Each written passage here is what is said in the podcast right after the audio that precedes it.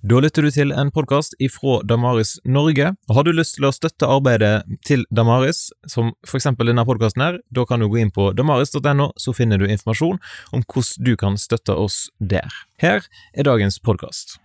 Okej, då utgår jag från att det är rätt tid att starta nu. En kritik av naturalismen. Jag ser fram emot eh, eh, frågor och kommentarer efteråt, så skriv efterhand som jag talar i, i chatten, så tar vi upp frågor efterhand. Naturalismen, en kritik. Jag börjar med en Kalle och Hobbe, som de, vi säger på svenska, Calvin. Lärarinnan, fröken som frågar If there are no questions, we'll move on to the next chapter. I have a question. Certainly, Calvin. What is it? What's the point of human existence? I meant any questions about the subject at hand. Oh, frankly, I'd like to have the issue resolved before I expend any more energy on this. Säger Kalle. Han vill inte fortsätta med det vanliga skolarbetet innan han har fått svar på frågan vad är meningen med människans existens? Och jag känner viss sympati för Calvin, för Kalle här.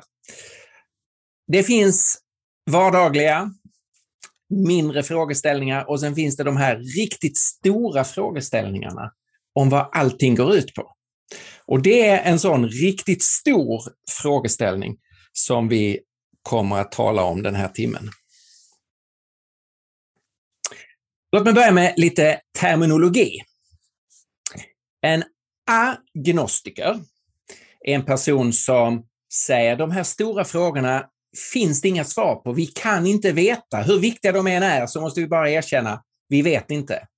Därför är det inte lönt att eh, grubbla över dem. Vi får förhålla oss bara till de små vardagliga frågorna. Fortsätt med skolarbetet, Kalle. En ateist säger Jo, det går att dra vissa slutsatser och den rimliga slutsatsen är att säga det finns ingen gud. En teist är ju en gudstroende av det grekiska ordet teos och en ateist förnekar att det finns en gud. Ateism, det är ju bara ett negativt påstående, det finns ingen gud. Då har man ju inte sagt någonting om, ja men vad är det då som finns? Man har ju bara förnekat att Gud finns. Då kan man ju säga, ja men det som finns det är materia. Detta materiella universum. Så man står för materialism. Eller kan man säga naturen. Den existerar. Så man står för naturalism. Eller kan man säga, ja men jag har ett sekulärt perspektiv.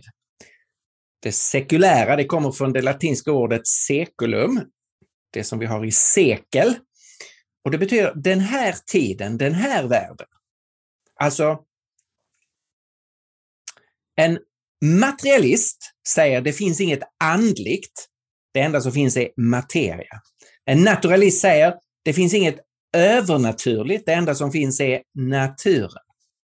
En sekulär person säger det enda som är verkligt är den här tiden, det finns ingen kommande tidsålder, det är den här världen, det finns ingen kommande värld. De här tre termerna, att vara materialist eller naturalist eller vara sekulär, de är i grunden synonymer. De står för samma sak.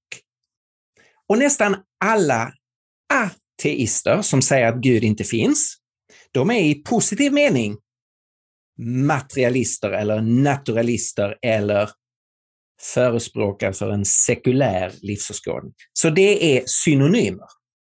Man påstår att den här världen är det enda som finns. Och det är det här som vi ska försöka analysera.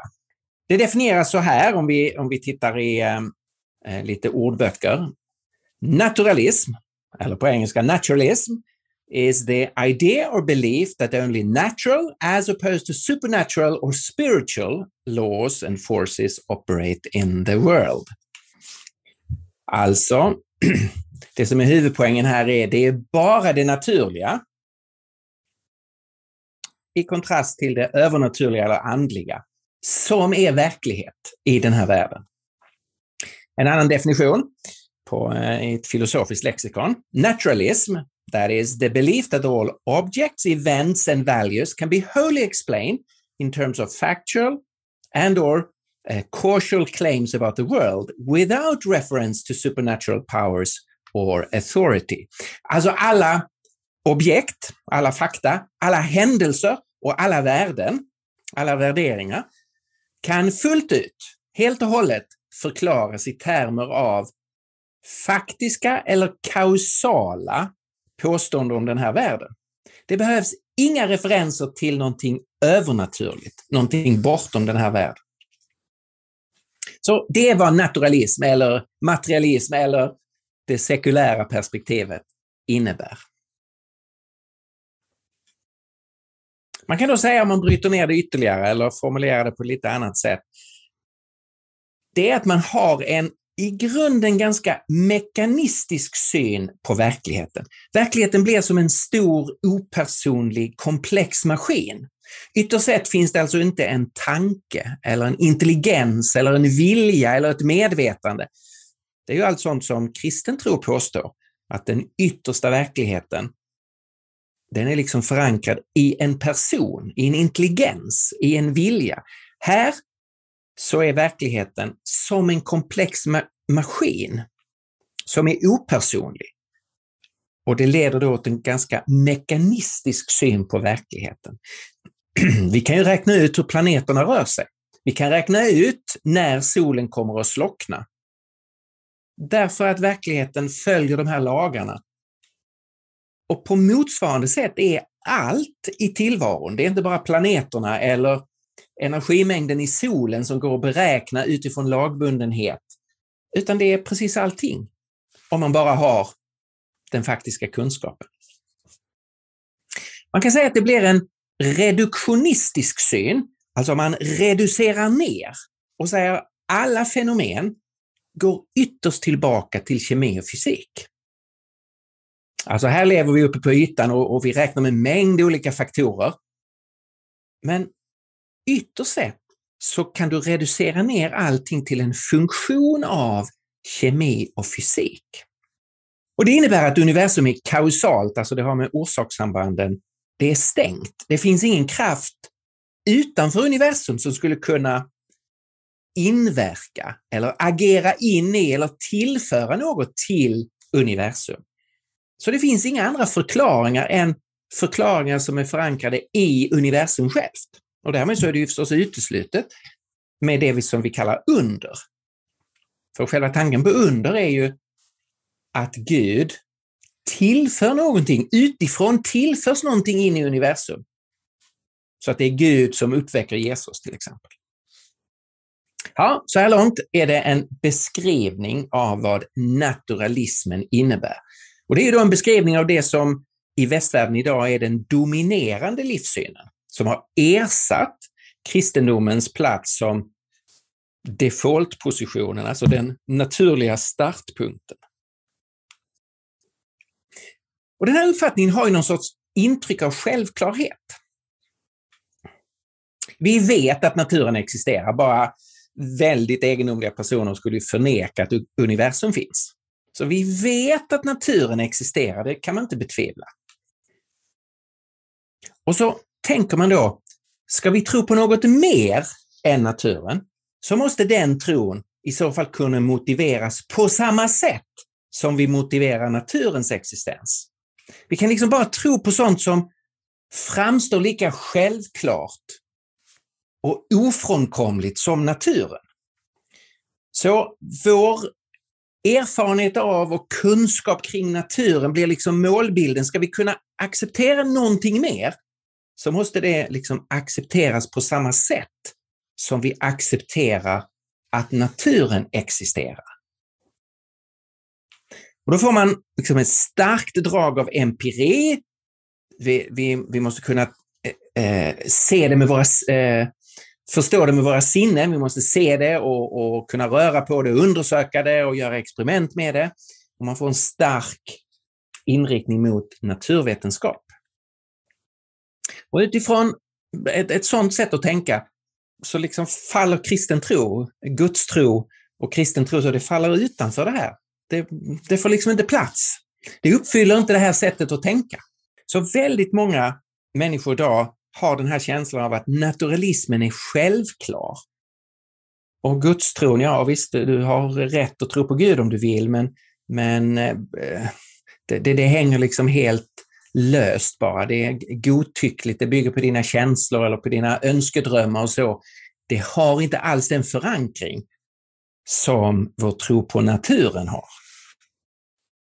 Så det finns någon sorts, liksom, en, en känsla av ofrånkomlighet kring naturalismen. Och om du har samtalat med människor som, som är övertygade naturalister så, så har man ofta den här, den här inställningen att det är liksom ofrånkomligt att naturalismen är det enda hållbara eh, alternativet.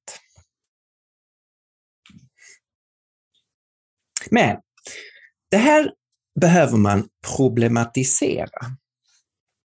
Empiri och naturvetenskap är ju förstås väldigt viktigt.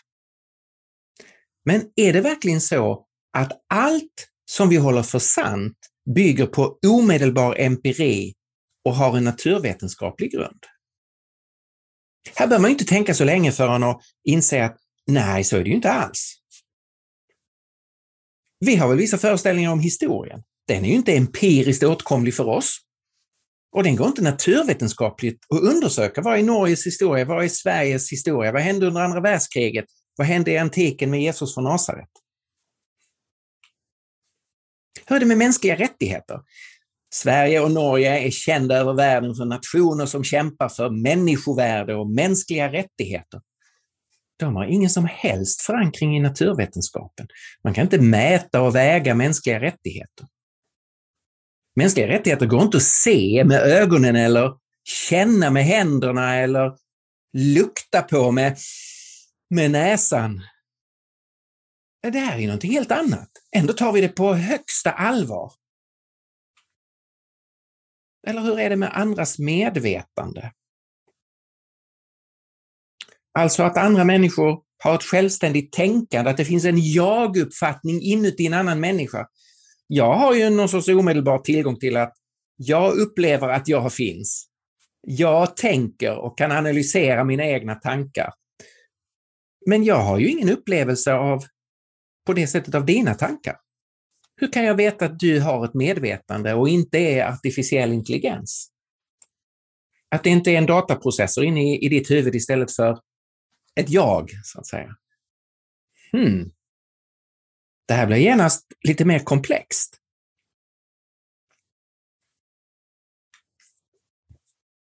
C.S. Lewis använder detta som ett av sina huvudargument för varför han menar att det finns en gud. Och han har ett ganska utförligt argument just om medvetandet och den specifika dimension av medvetandet som vi kallar för tänkandet. Och han skriver så här i, eh, eh, i en av sina böcker, nu kommer jag faktiskt inte ihåg om det är Mere Christianity eller Miracles, i, eh, han har samma argument i båda böckerna. Men han skriver i vilket fall så här. Därav följer att ingen skildring av universum kan vara sann om den inte lämnar utrymme för vårt tänkande att bli till en sann insikt. En teori som har förklarat allt annat i hela universum, men som har gjort det omöjligt att tro att vårt tänkande är hållbart, skulle vara helt ohållbar. Den teorin skulle ju själv ha tillkommit genom tänkande. Och om tänkandet inte är meningsfullt skulle naturligtvis också teorin bli tillintetgjord.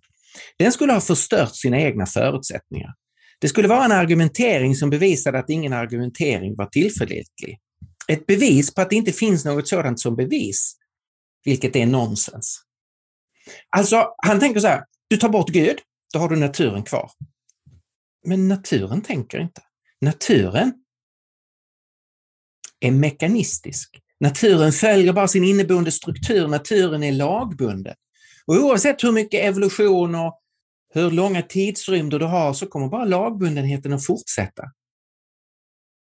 Så människan har inte fått sitt tänkande för att vi ska tänka.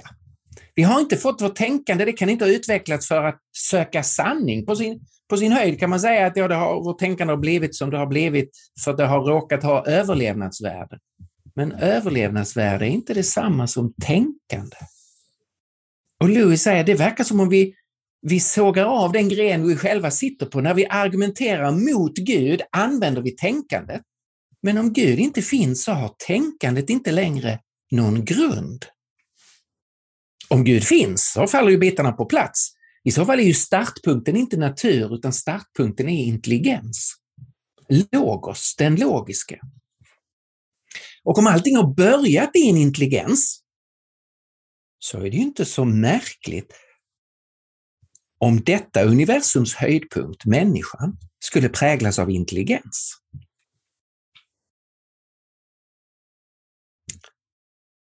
Eh, Chesterton är inne på, eh, på eh, samma tankegång och jag tror delvis att Lewis var inspirerad av Chesterton. Han säger så här, There is a thought that stops thought. That is the only thought that ought to be stopped. Vi kan inte gå in på en väg som stoppar själva tänkandet. Det är i verkligheten den enda tanke som ska stoppas, nämligen en tanke som stoppar själva tänkandet. Och Lewis kritik av naturalismen är att den ser ut att undergräva vårt tänkande. Det här argumentet har i modern tid följts upp av Eh, Alvin Plantinga som är världens kanske ledande religionsfilosof. Och han har ett, eh, ett liknande resonemang om människans tänkande som faktiskt en signal om Gud.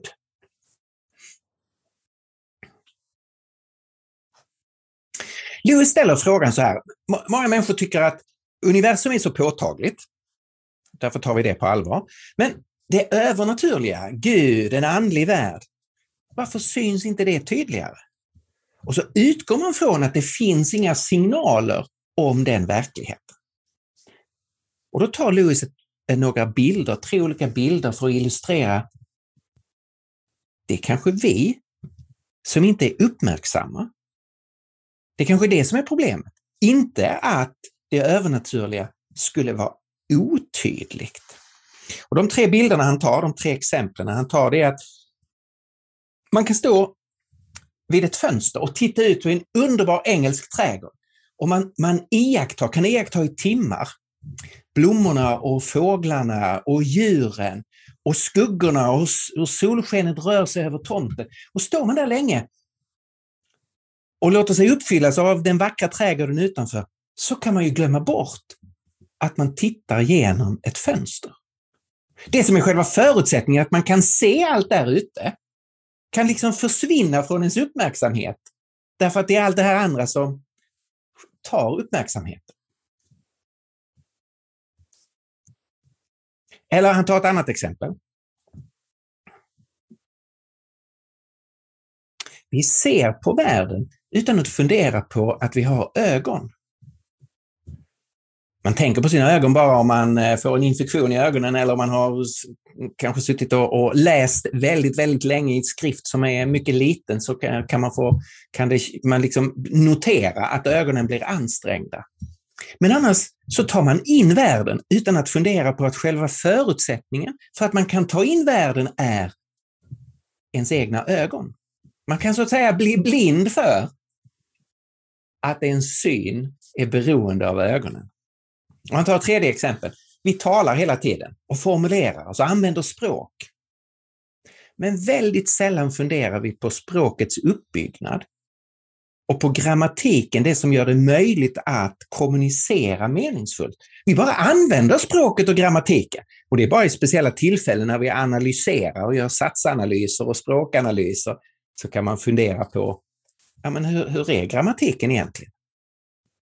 Det här är tre exempel som Lewis använder för att säga det är kanske så att vi tar för givet en mängd saker. Och till exempel tar vi för givet att vi bara kan använda vårt tänkande. Men tänk om tänkandet är just en signal om det övernaturliga. För om det inte finns ett övernaturligt tänkande som är grunden för vår värld, så förlorar vårt tänkande sin, eh, sin bas.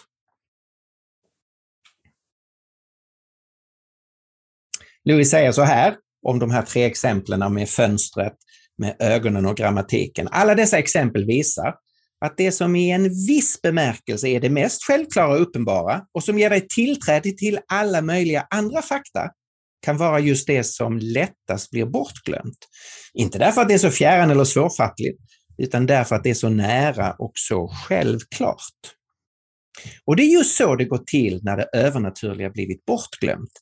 Naturalisterna har varit upptagna av att tänka på naturen. De har inte funderat över att de faktiskt tänkte.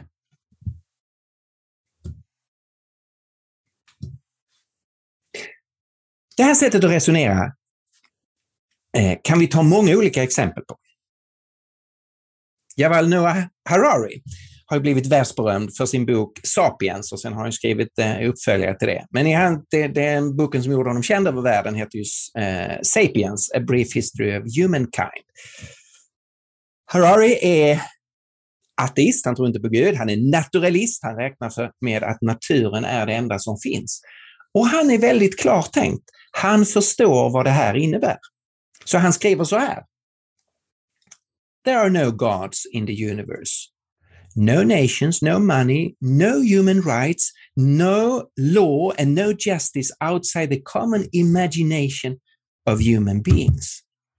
Det finns inga gudar, eller nationer, eller mänskliga rättigheter, eller rättvisa, utanför bara människans föreställningsförmåga. Det är vi som föreställer oss, vi kommer överens om, vi hittar på. Men det här saknar all grund. Och notera att han tar upp human rights. Det som alla i vår kultur tycker är så enormt viktigt och som man verkligen är beredd att slåss för. Men det finns inte utanför den eh, mänskliga föreställningen, om det inte finns en gud. Hela skillnaden blir ju om det finns en gud som har skapat människan till sin avbild, om det finns en gud som älskar och värderar varje individ, då har mänskliga rättigheter en grund. Men om du tar bort Gud, så hänger de mänskliga rättigheterna helt i luften. Eller ta ett annat exempel. Jag sa att naturalismen ger oss en mekanistisk syn på verkligheten. Stephen Hawking, som ju dog eh, för några år sedan och som ju allmänt har betraktats som, eh, som vår tids främsta naturvetare. Han var ju också uttalad ateist och därmed, eller också naturalist. Och han inser ju detta att universum är ju lagbundet. Så han säger, it's hard to imagine how free will can operate if our behavior is determined by physical law. So it seems that we are no more than biological machines and that free will is just an illusion. Alltså den yttersta konsekvensen av naturalismen är att man får frågetecken för människans frihet. Det är inte bara vårt värde, det är inte bara vårt tänkande, det är inte bara vårt värde, det är också vår frihet. Alltså detta som vi tar för givet och uppfattar som så självklart, att vi kan välja, att vi har ansvar, att man kan få skuld när man har valt fel. Allt det där är bara en illusion. Därför att människan kan reduceras till det som är vår kropp och vår kropp är fysik och kemi och fysik och kemi är regelbundet. Det styrs av fysiska lagar. Och därmed så finns det ingen frihet. Människan blir en sorts maskin, fast med en sorts upplevelse av att vara fri. Men hon är inte fri. Det här krockar ju med hela den mänskliga existensen. Eh, jag gillar den judiska författaren Isaac Singer som säger på ett ställe, ja, jag hoppas ni inte missar ironin. We must believe in free will. We have no choice. We must believe in free will. We have no choice. Du kan inte vara människa om du inte tror på fri vilja och ansvar och skuld. Alla mänskliga relationer, all mänsklig civilisation utgår från att detta är verkligt. Men det kan inte vara verkligt om det inte finns en Gud. Det kan bara vara verkligt om det finns ett yttersta personligt ursprung, där det finns frihet i ursprunget och att detta ursprung har gett oss ett mått av frihet. Så det här sättet att resonera det går igen på ganska många olika områden som rör människans existens. Att om du tar bort Gud så kommer du sänka människan till naturen och du tvingas ytterst sett att förneka människans mänsklighet.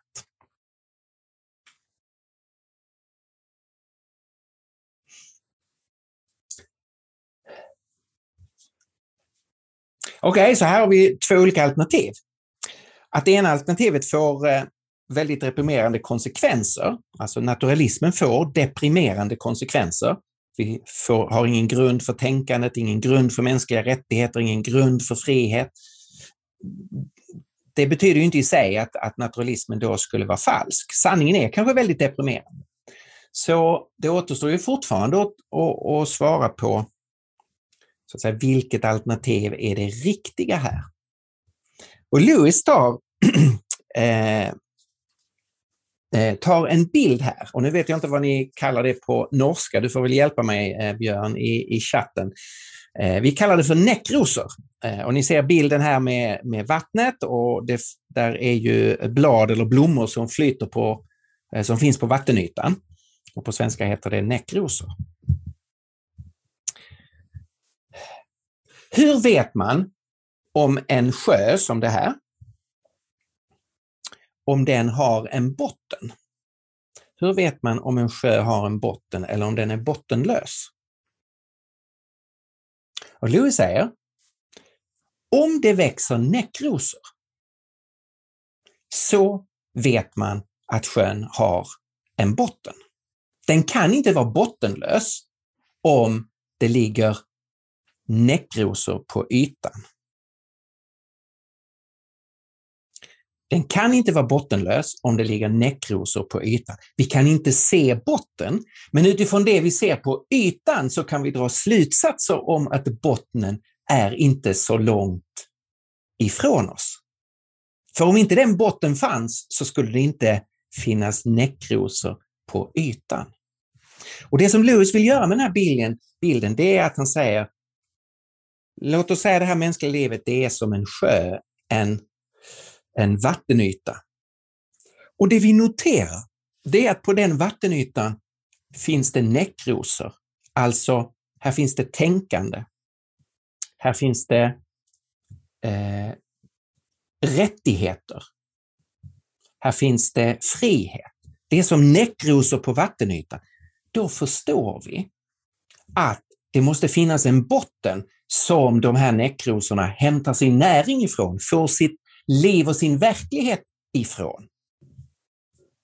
Hade vi inte haft några näckrosor på ytan så hade det varit en öppen fråga, har sjön en botten eller inte? Och på samma sätt så kan man resonera, tycker jag, när det gäller Guds tro.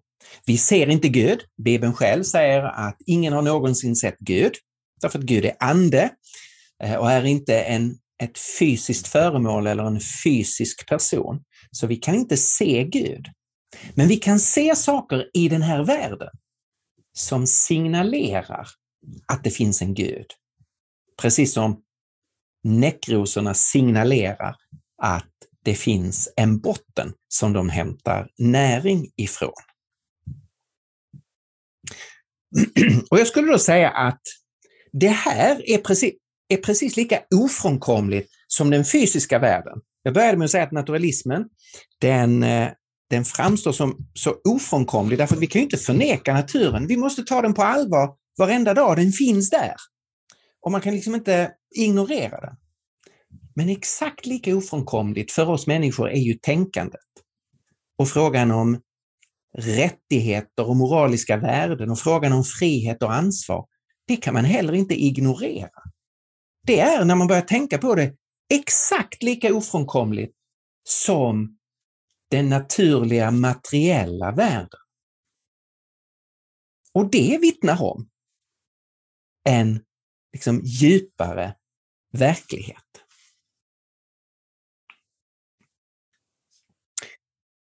Den som väljer det naturalistiska spåret hamnar i en mycket jobbig konflikt. Det som jag uppfattar som konflikten för en naturalist, den som förnekar Gud, det är att man hamnar i en konflikt mellan erfarenheterna av att vara människa och de logiska konsekvenserna av naturalismen. Erfarenheten av att vara människa talar för tänkande och rättigheter och frihet. Den logiska konsekvensen av naturalismen undergräver tänkandet och rättigheterna och friheten. Så det, det blir en spänning här emellan som inte uppstår för den som omfattar en kristen livssyn, där erfarenheten av människan och konsekvensen av den kristna tron sammanfaller, eh, hänger ihop. Och där erfarenheten av att, människa, av att vara människa får liksom sin förklaring. För naturalisten tycker jag att man hamnar i det här dilemmat att tvingas välja mellan pest och kolera. Alltså om du tar din utgångspunkt i naturen, så kan du välja att dra de logiska konsekvenserna av att naturen är det enda som finns. Men då hamnar du i det som eh, kallas för nihilism, ett förnekande av alla värden och sanningar. Nihil betyder ju noll på latin och nihilism är att man nollställer allt mänskligt liv. Det är en logisk och konsekvent livssyn, men fullständigt omänsklig. Eller så kan du gå in för en humanism där du säger, ja men jag vill värdesätta människan och det mänskliga. Men då får du en livssyn som är logiskt inkonsekvent. Som inte hänger samman med ditt grundantagande att naturen är det enda som finns. Men du får en mänsklig livssyn. Så antingen blir du logiskt konsekvent, men det blir omänskliga, ett omänskligt slutresultat. Eller så är du ologisk. Du är inkonsekvent för att kunna formulera en mänsklig livssyn. Om man utgår från Gud, så kan man få en livssyn som både hänger samman förnuftsmässigt, logiskt, och som bejakar det som vi vet om människan. Så här är ett område, inte det enda, det finns många fler, men ett av de områden där kristen tro, tycker jag, bekräftar den här verkligheten. Kristen tro bekräftar en tidlös mänsklig erfarenhet och gör det möjligt att förstå vad det är att vara människa. Och då tror jag att jag stannar där så att vi får tid till